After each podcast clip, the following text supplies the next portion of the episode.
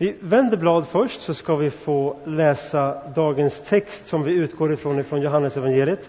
Och jag har markerat fyra, kan man säga, lögnskapande meningar som vi ser i texten. Och med de orden så kommer vi också se att detta med fake news och lögner har funnits genom hela mänsklighetens historia.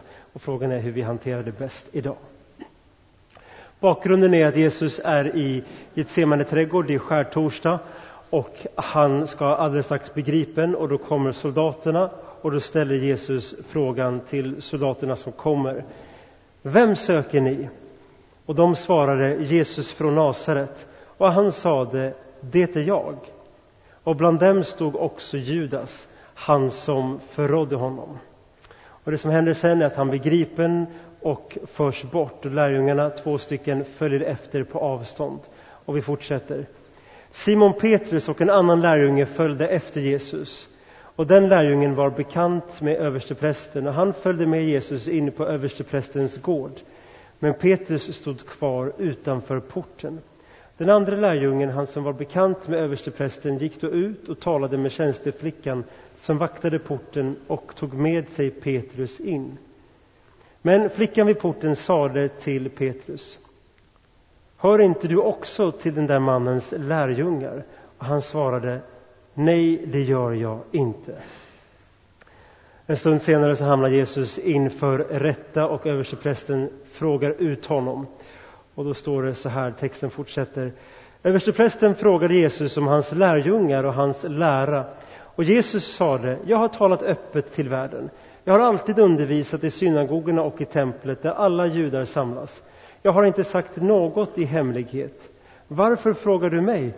Fråga dem som har hört mig vad jag har förkunnat för dem. De vet ju vad jag har sagt. Men har jag sagt något som var fel, så säg vad det är. Men om jag har rätt, varför slår du mig? Sen för de honom därifrån till Pontius Pilatus, romarrikets eh, soldatkår och rättsmyndighet. Och då står det så här att från Kajafas förde de Jesus till residentet. Och Pilatus gick då ut till dem och frågade, vad anklagar ni den här mannen för? De svarade, om han inte hade varit en förbrytare skulle vi inte ha överlämnat honom åt dig. Pilatus gick tillbaka in i residenset och lät kalla till sig Jesus och frågade, så du är judarnas konung? Jesus svarade, säger du detta av dig själv eller har andra sagt det om mig? Och Petrus sade, men vad har du gjort? Jesus svarade, mitt rike hör inte till den här världen, men nu är mitt rike av ett annat slag. Och Pilatus frågade, du är alltså kung? Jesus svarade, du säger själv att jag är kung. Jag har fötts och kommit hit till världen för denna enda sak, att vittna för sanningen. Den som hör till sanningen lyssnar till min röst. Och Pilatus sa till honom, vad är sanning? Och den frågan har ju blivit på senare år mer aktuell än på länge. Vad är sanning? Varje dag så ställs vi inför mängder med val och en del av de här valen de är så återkommande att vi knappt reflekterar över dem. Valet att borsta tänderna på morgonen eller när man ska välja färdväg till skolan eller arbetet så åker man i praktiken alltid samma väg och helt plötsligt är man där. Man undrar hur kom jag hit? Och så finns det de här större valen som man reflekterar kring mer, exempelvis då vilket parti ska jag rösta på senast nästa söndag? Eller vill jag rösta alls? Men så finns det också det viktigaste valet. Och det viktigaste valet det är vem du vill leva tillsammans med. Vi lever alla med oss själva. Var helst man själv reser följer man ju med. Vi lever också med andra. Vi har en gemenskap här inne och livet går inte att leva isolerat även om vi ibland kan känna vad skönt det vore om det bara vore jag. Men sen också den viktigaste frågan, vill jag leva mitt liv också tillsammans med Gud? Och min förhoppning är att förra veckans predikan, men också den här och nästa vecka, ska underlätta dig att verkligen ta tag i den frågan och även finna ett svar som att jo, jag vill leva mitt liv också tillsammans med Gud. Men grundfrågan är, vad är sanning? Och Pilatus sa de här berömda orden. Vad är det? Jag har skrivit en punkt till er som är falska nyheter sprids. 70 gånger snabbare än sanna nyheter. Det finns en studie som nyligen har gjorts över Twitter, över när man retweetar och delar vidare, som visar just detta från USA. Att falska nyheter som uppträder sprids 70 gånger snabbare än de sanna nyheterna och att det tar upp till fyra gånger längre tid att få ut en sanning i det forumet än en lögn.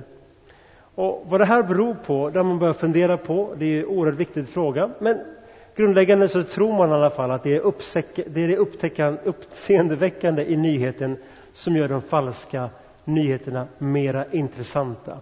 Ungefär som att man hör talas om någonting, vad ska det kunna vara? Jag kan ta själv som präst då. När en präst begår ett brott så är det ofta ganska populärt i, i samhällsdebatten att lyfta fram det i nyhetssammanhang. Och kanske beror det på att det finns en tanke om att ja, men jag visste ju att det var så hela tiden, eller ja, men äntligen, nu får vi se hur de är och så vidare. Och det kan man applicera på mycket. Sen huruvida det är sant eller inte, det tar mycket längre tid innan vi är mottagliga för att veta hur det egentligen förhåller sig med någonting. Vad är sanning? Ingenting verkar lättare, till och med barn vet vad sanning är. Och ändå så är det den här frågan som har varit föremål för dispyter genom hela mänsklighetens historia, också fram till idag. I Sverige så har vi ju ett underbart uttryck som är, som ni ser framför er, tycker jag. Men det finns också intressant att kolla på det utifrån sanningsaspekten. Jag hade en amerikansk vän till mig som uppmärksammade mig på detta genom att han ofta skämtade om det. Han kunde säga ganska dryga saker i början som att idag är det lågpriser på Coop, tycker jag. Just därför att han märkte att vi svenskar gärna lägger till den meningen. Alltså den bästa vägen att ta sig härifrån till Motala, det är att åka den här vägen, tycker jag. Och med det begreppet så skyddar vi oss lite grann från att ha fel. Det finns också en ödmjuk aspekt i vår kultur som lyser fram med det. Men det finns också en tveksamhet om att vad är sanning? Är den objektiv eller är den helt subjektiv? Så här ska vi göra. Då uppnår vi bästa resultat, tycker jag. När det gäller falska nyheter så finns det de som sprider sig. Och en som hade en falsk nyhet som spridde sig, det var Judas. När de kom till Getsemane trädgård så hade Judas varit en av Jesus tolv lärjungar. Och han hade möjligheten att kunna tjäna mycket pengar genom att berätta för de romerska soldaterna, och framförallt judarna först ska jag säga, var Jesus var, så man skulle kunna gripa honom i löndom. Han drevs av att ge en falsk nyhet, att förråda en person som han visste var genomgod, bara för att den hade en egen vinning på det. Och så spred sig denna nyhet om honom. Och så har ni meningen framför er. Bland dem stod också Judas, han som förrådde honom. Det finns också en annan falsk nyhet som vi såg i texten som vi läste och det var den om Petrus som följde efter Jesus in på borggården. Han hade varit en av Jesus vänner och i slutet på andra stycket så står det att en flicka vid porten sa till Petrus Hör inte du också till den där mannens lärjungar? Och han svarade Nej, det gör jag inte. Fast han naturligtvis gjorde det i rädsla för vad andra skulle tycka och tänka om honom och att han skulle begripen och åsidosatt. Falska nyheter har ofta en grund också när vi blir osäkra eller känner oss ensamma, att ingen annan verkar förstå vidden av den fara som man tror sig befinna sig i. Då vill man gärna spetsa sin insats eller sin oro. Och därför har jag lämnat tomt i ruta där man kan fylla i orden Ingen bryr sig. Det finns, tycker jag, en växande, jag märkte det ordet, växande eh, språkbruk som är att människor uttrycker det som att det är ingen som bryr sig. Det är ingen som bryr sig om att skolan läggs ner. Det är ingen som bryr sig om att människor far illa. Det är ingen som bryr sig om att Försäkringskassan har hårdare bedömningar. Det är ingen som, och så vidare. Är det en sanning eller är det en falsk nyhet som sprider sig och som kan få fäste också hos oss? Det är ingen som bryr sig om mig. Jag minns vid ett tillfälle då jag och min fru för flera år sedan var med på en begravning uppe i Norrland med en kvinna som min fru hade stött. Hon kom till sitt avslut av sitt liv och orkade inte leva. Och livet upptogs av många osanningar. Livet är inte meningsfullt. Det finns inget hopp. Det finns ingen gemenskap. Men när vi var med vid den begravningen så är vi där i samband med en full kyrka med människor som gråter och saknar henne. Vad är sanning? Jag gissar att en del av er kan ha liknande berättelser. Just själva uttrycket ”ingen som bryr sig” är ju självmotsägelsefullt, därför den som säger det bryr sig. Det är ingen som bryr sig, men uppenbarligen gör ju det. Är du en av dem som gör det? Är det verkligen en sann nyhet att ingen gör det? En annan nyhet som man behöver brottas med är att Gud bryr sig inte.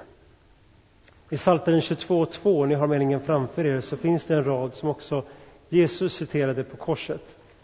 Min Gud, min Gud, varför har du övergivit mig? Ni som är på första delens predikan såg hur jag målade upp Saturnus bana runt solen som ett uttryck för, för den är elliptisk och inte rund, eller cirkulär ska jag säga, som ett uttryck för att vi ibland upplever att vi är närmare solen, Jesus, och ibland längre bort. Betyder det att Gud är längre bort? Hur ska jag förstå den här känslan och de frågorna? Jag ska inte återta den predikan igen, men den frågan är viktig hos, tror jag, de allra flesta människorna. Hos oss. Och den är starkare i vissa tider än andra. Min Gud, min Gud, varför har du övergivit mig? Och versen fortsätter. Jag ropar förtvivlat, men du är långt borta. Min Gud, jag ropar om dagen, men du svarar inte. Och jag ropar om natten, men finner ingen ro. Är det en sanning att ingen bryr sig? Är det en sanning att Gud inte bryr sig?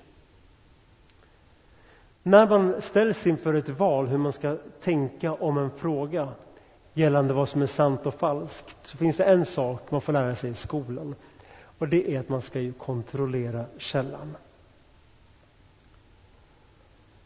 Jesus han ställs ju inför ett förhör av de judiska ledarna och han blir misshandlad i samband med det tillfället. Och då så säger Jesus så här, har jag sagt något som var fel så säg vad det var. Men om jag har rätt, varför slår du mig? Och den frågan kan de inte bemöta annat än med slag. Därför att de hade falska vittnen. De kunde inte besvara den frågan redigt. Och ofta när någon blir arg, upprörd, går ut genom ett rum, blir ilsken eller börjar med så att säga påhopp så beror det på att den personen inte är säker på att grunden i ens anklagelse håller. Så att kontrollera källan är viktigt och det är än viktigare i en tid nu där kränkhetsfrågorna har lett till att om en person upplever sig kränkt så är det den som har sagt något som per definition har gjort fel. Jesus gjorde det så att vissa judiska ledare upplevde sig kan man säga, kränkta. Han hädade Guds namn, tyckte de. Han kom med osanningar som de inte ville stå bakom. Eller han fick folkets stöd fast de inte hade det. Så de grep honom i lönndom, och de misshandlade honom och skaffade sig falska vittnen. Men man kan nästan eh, i slutändan bara ta ansvar för sig själv. Och då finns det en viktig fråga som vi behöver ställa oss var och en i den tid vi lever där känslan att vara utsatt har ökat så monumentalt. Den påverkar naturligtvis var och en av oss. Och det är frågan, söker du sanningssägare eller sympatisörer?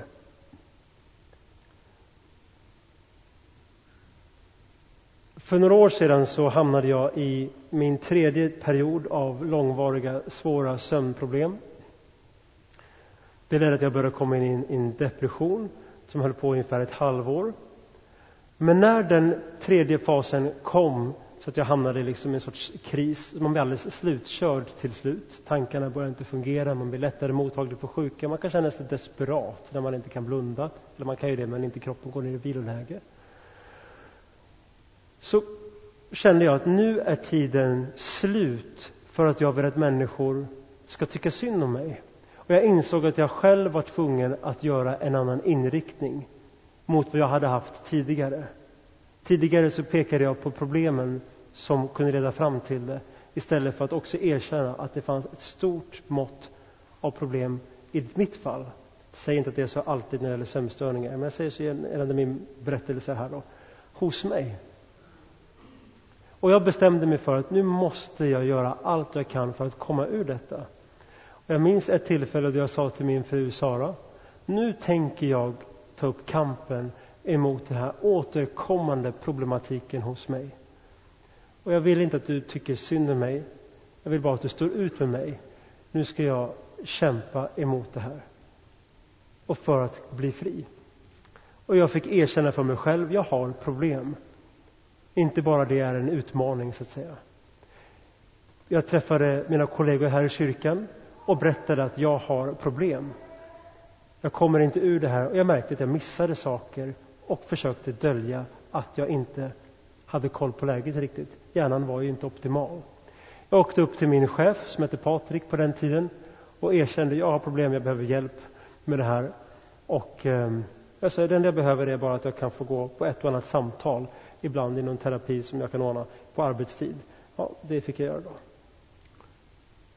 Och jag var tvungen för den här personen som jag gick i samtal då under ett par månader erkänna och berätta och hon var ju fenomenal.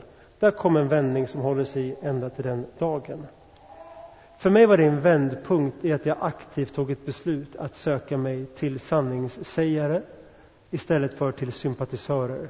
Människor som bara kände med mig eller tyckte synd om mig och som jag ofta kanske påverkade att ta den positionen i mitt liv, i min samtid. Jag ville bli fri. En annan person som jag fick äran eller glädjen att få lyssna till förra året när jag och min fru var i USA. En man som heter Lee Strobel.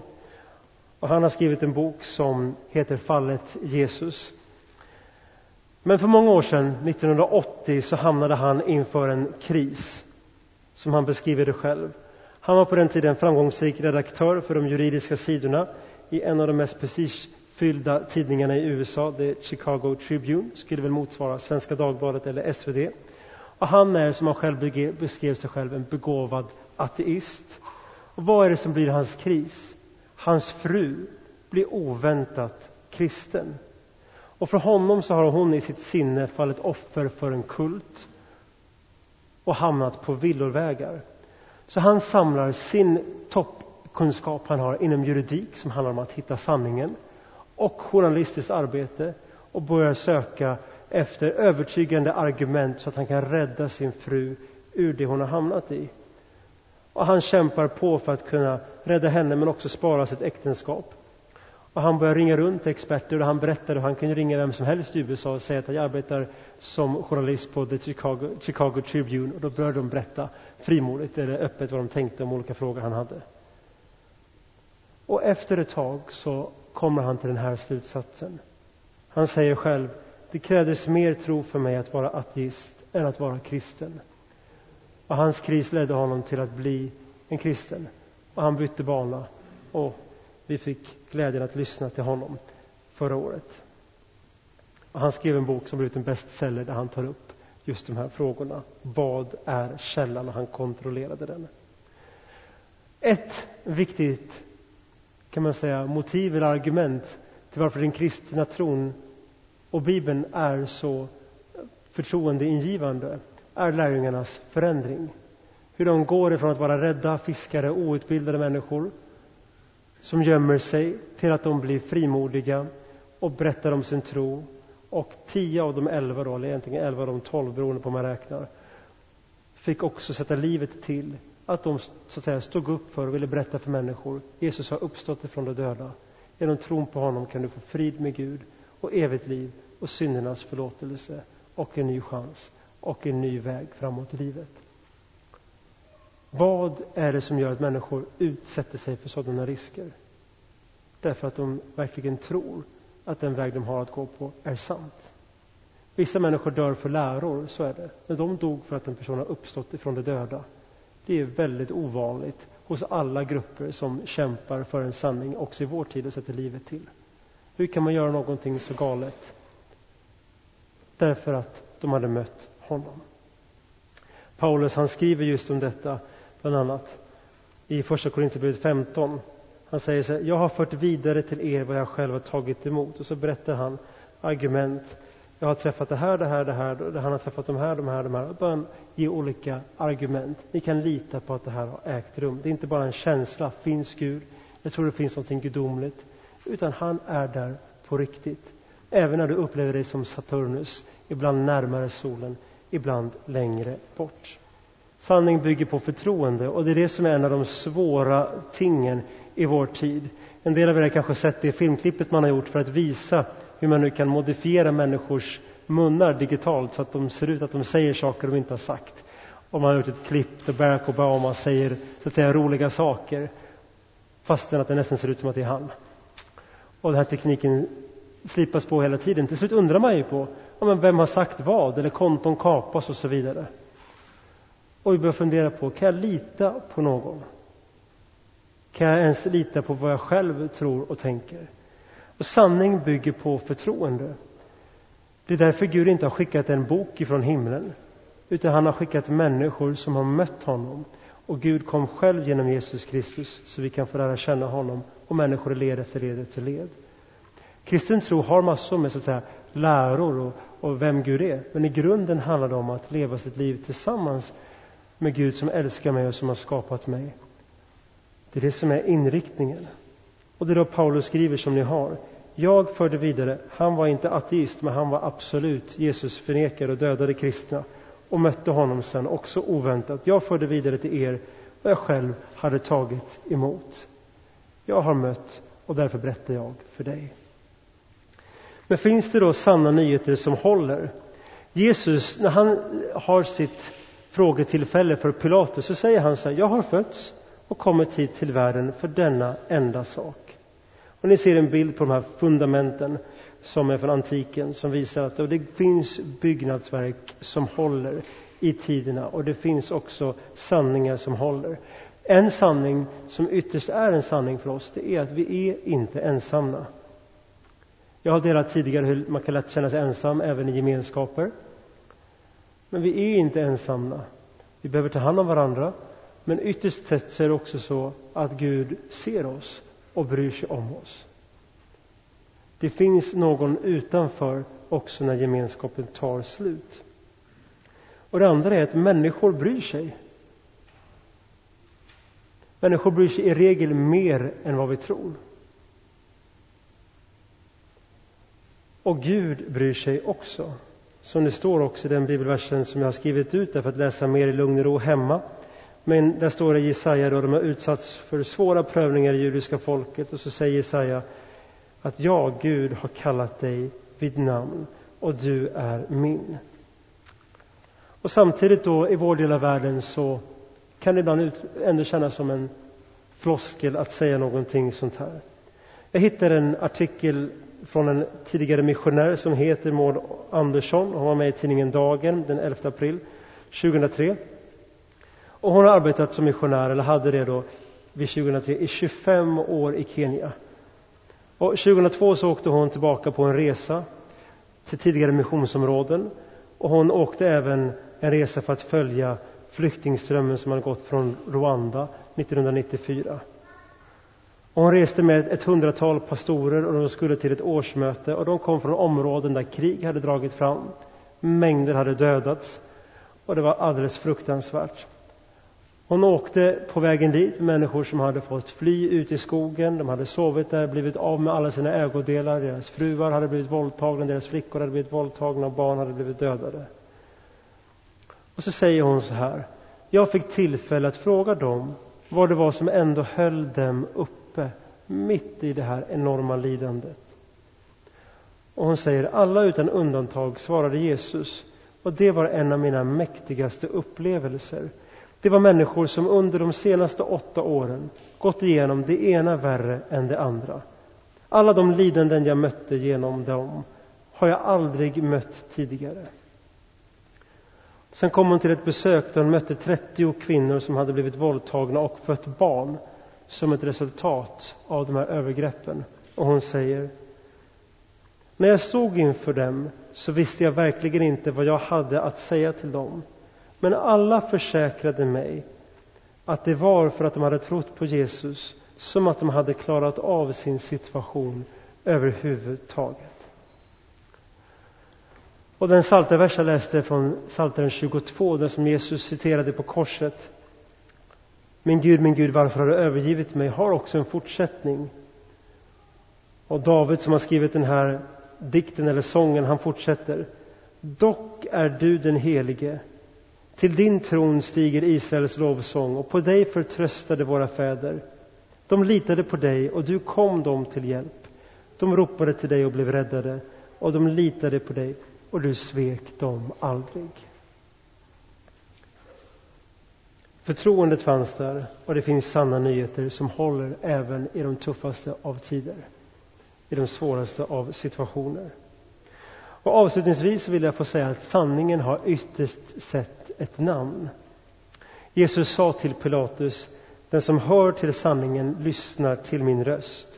Och i Johannes evangeliet 14.6 så citeras Jesus med orden Jag är vägen, sanningen och livet.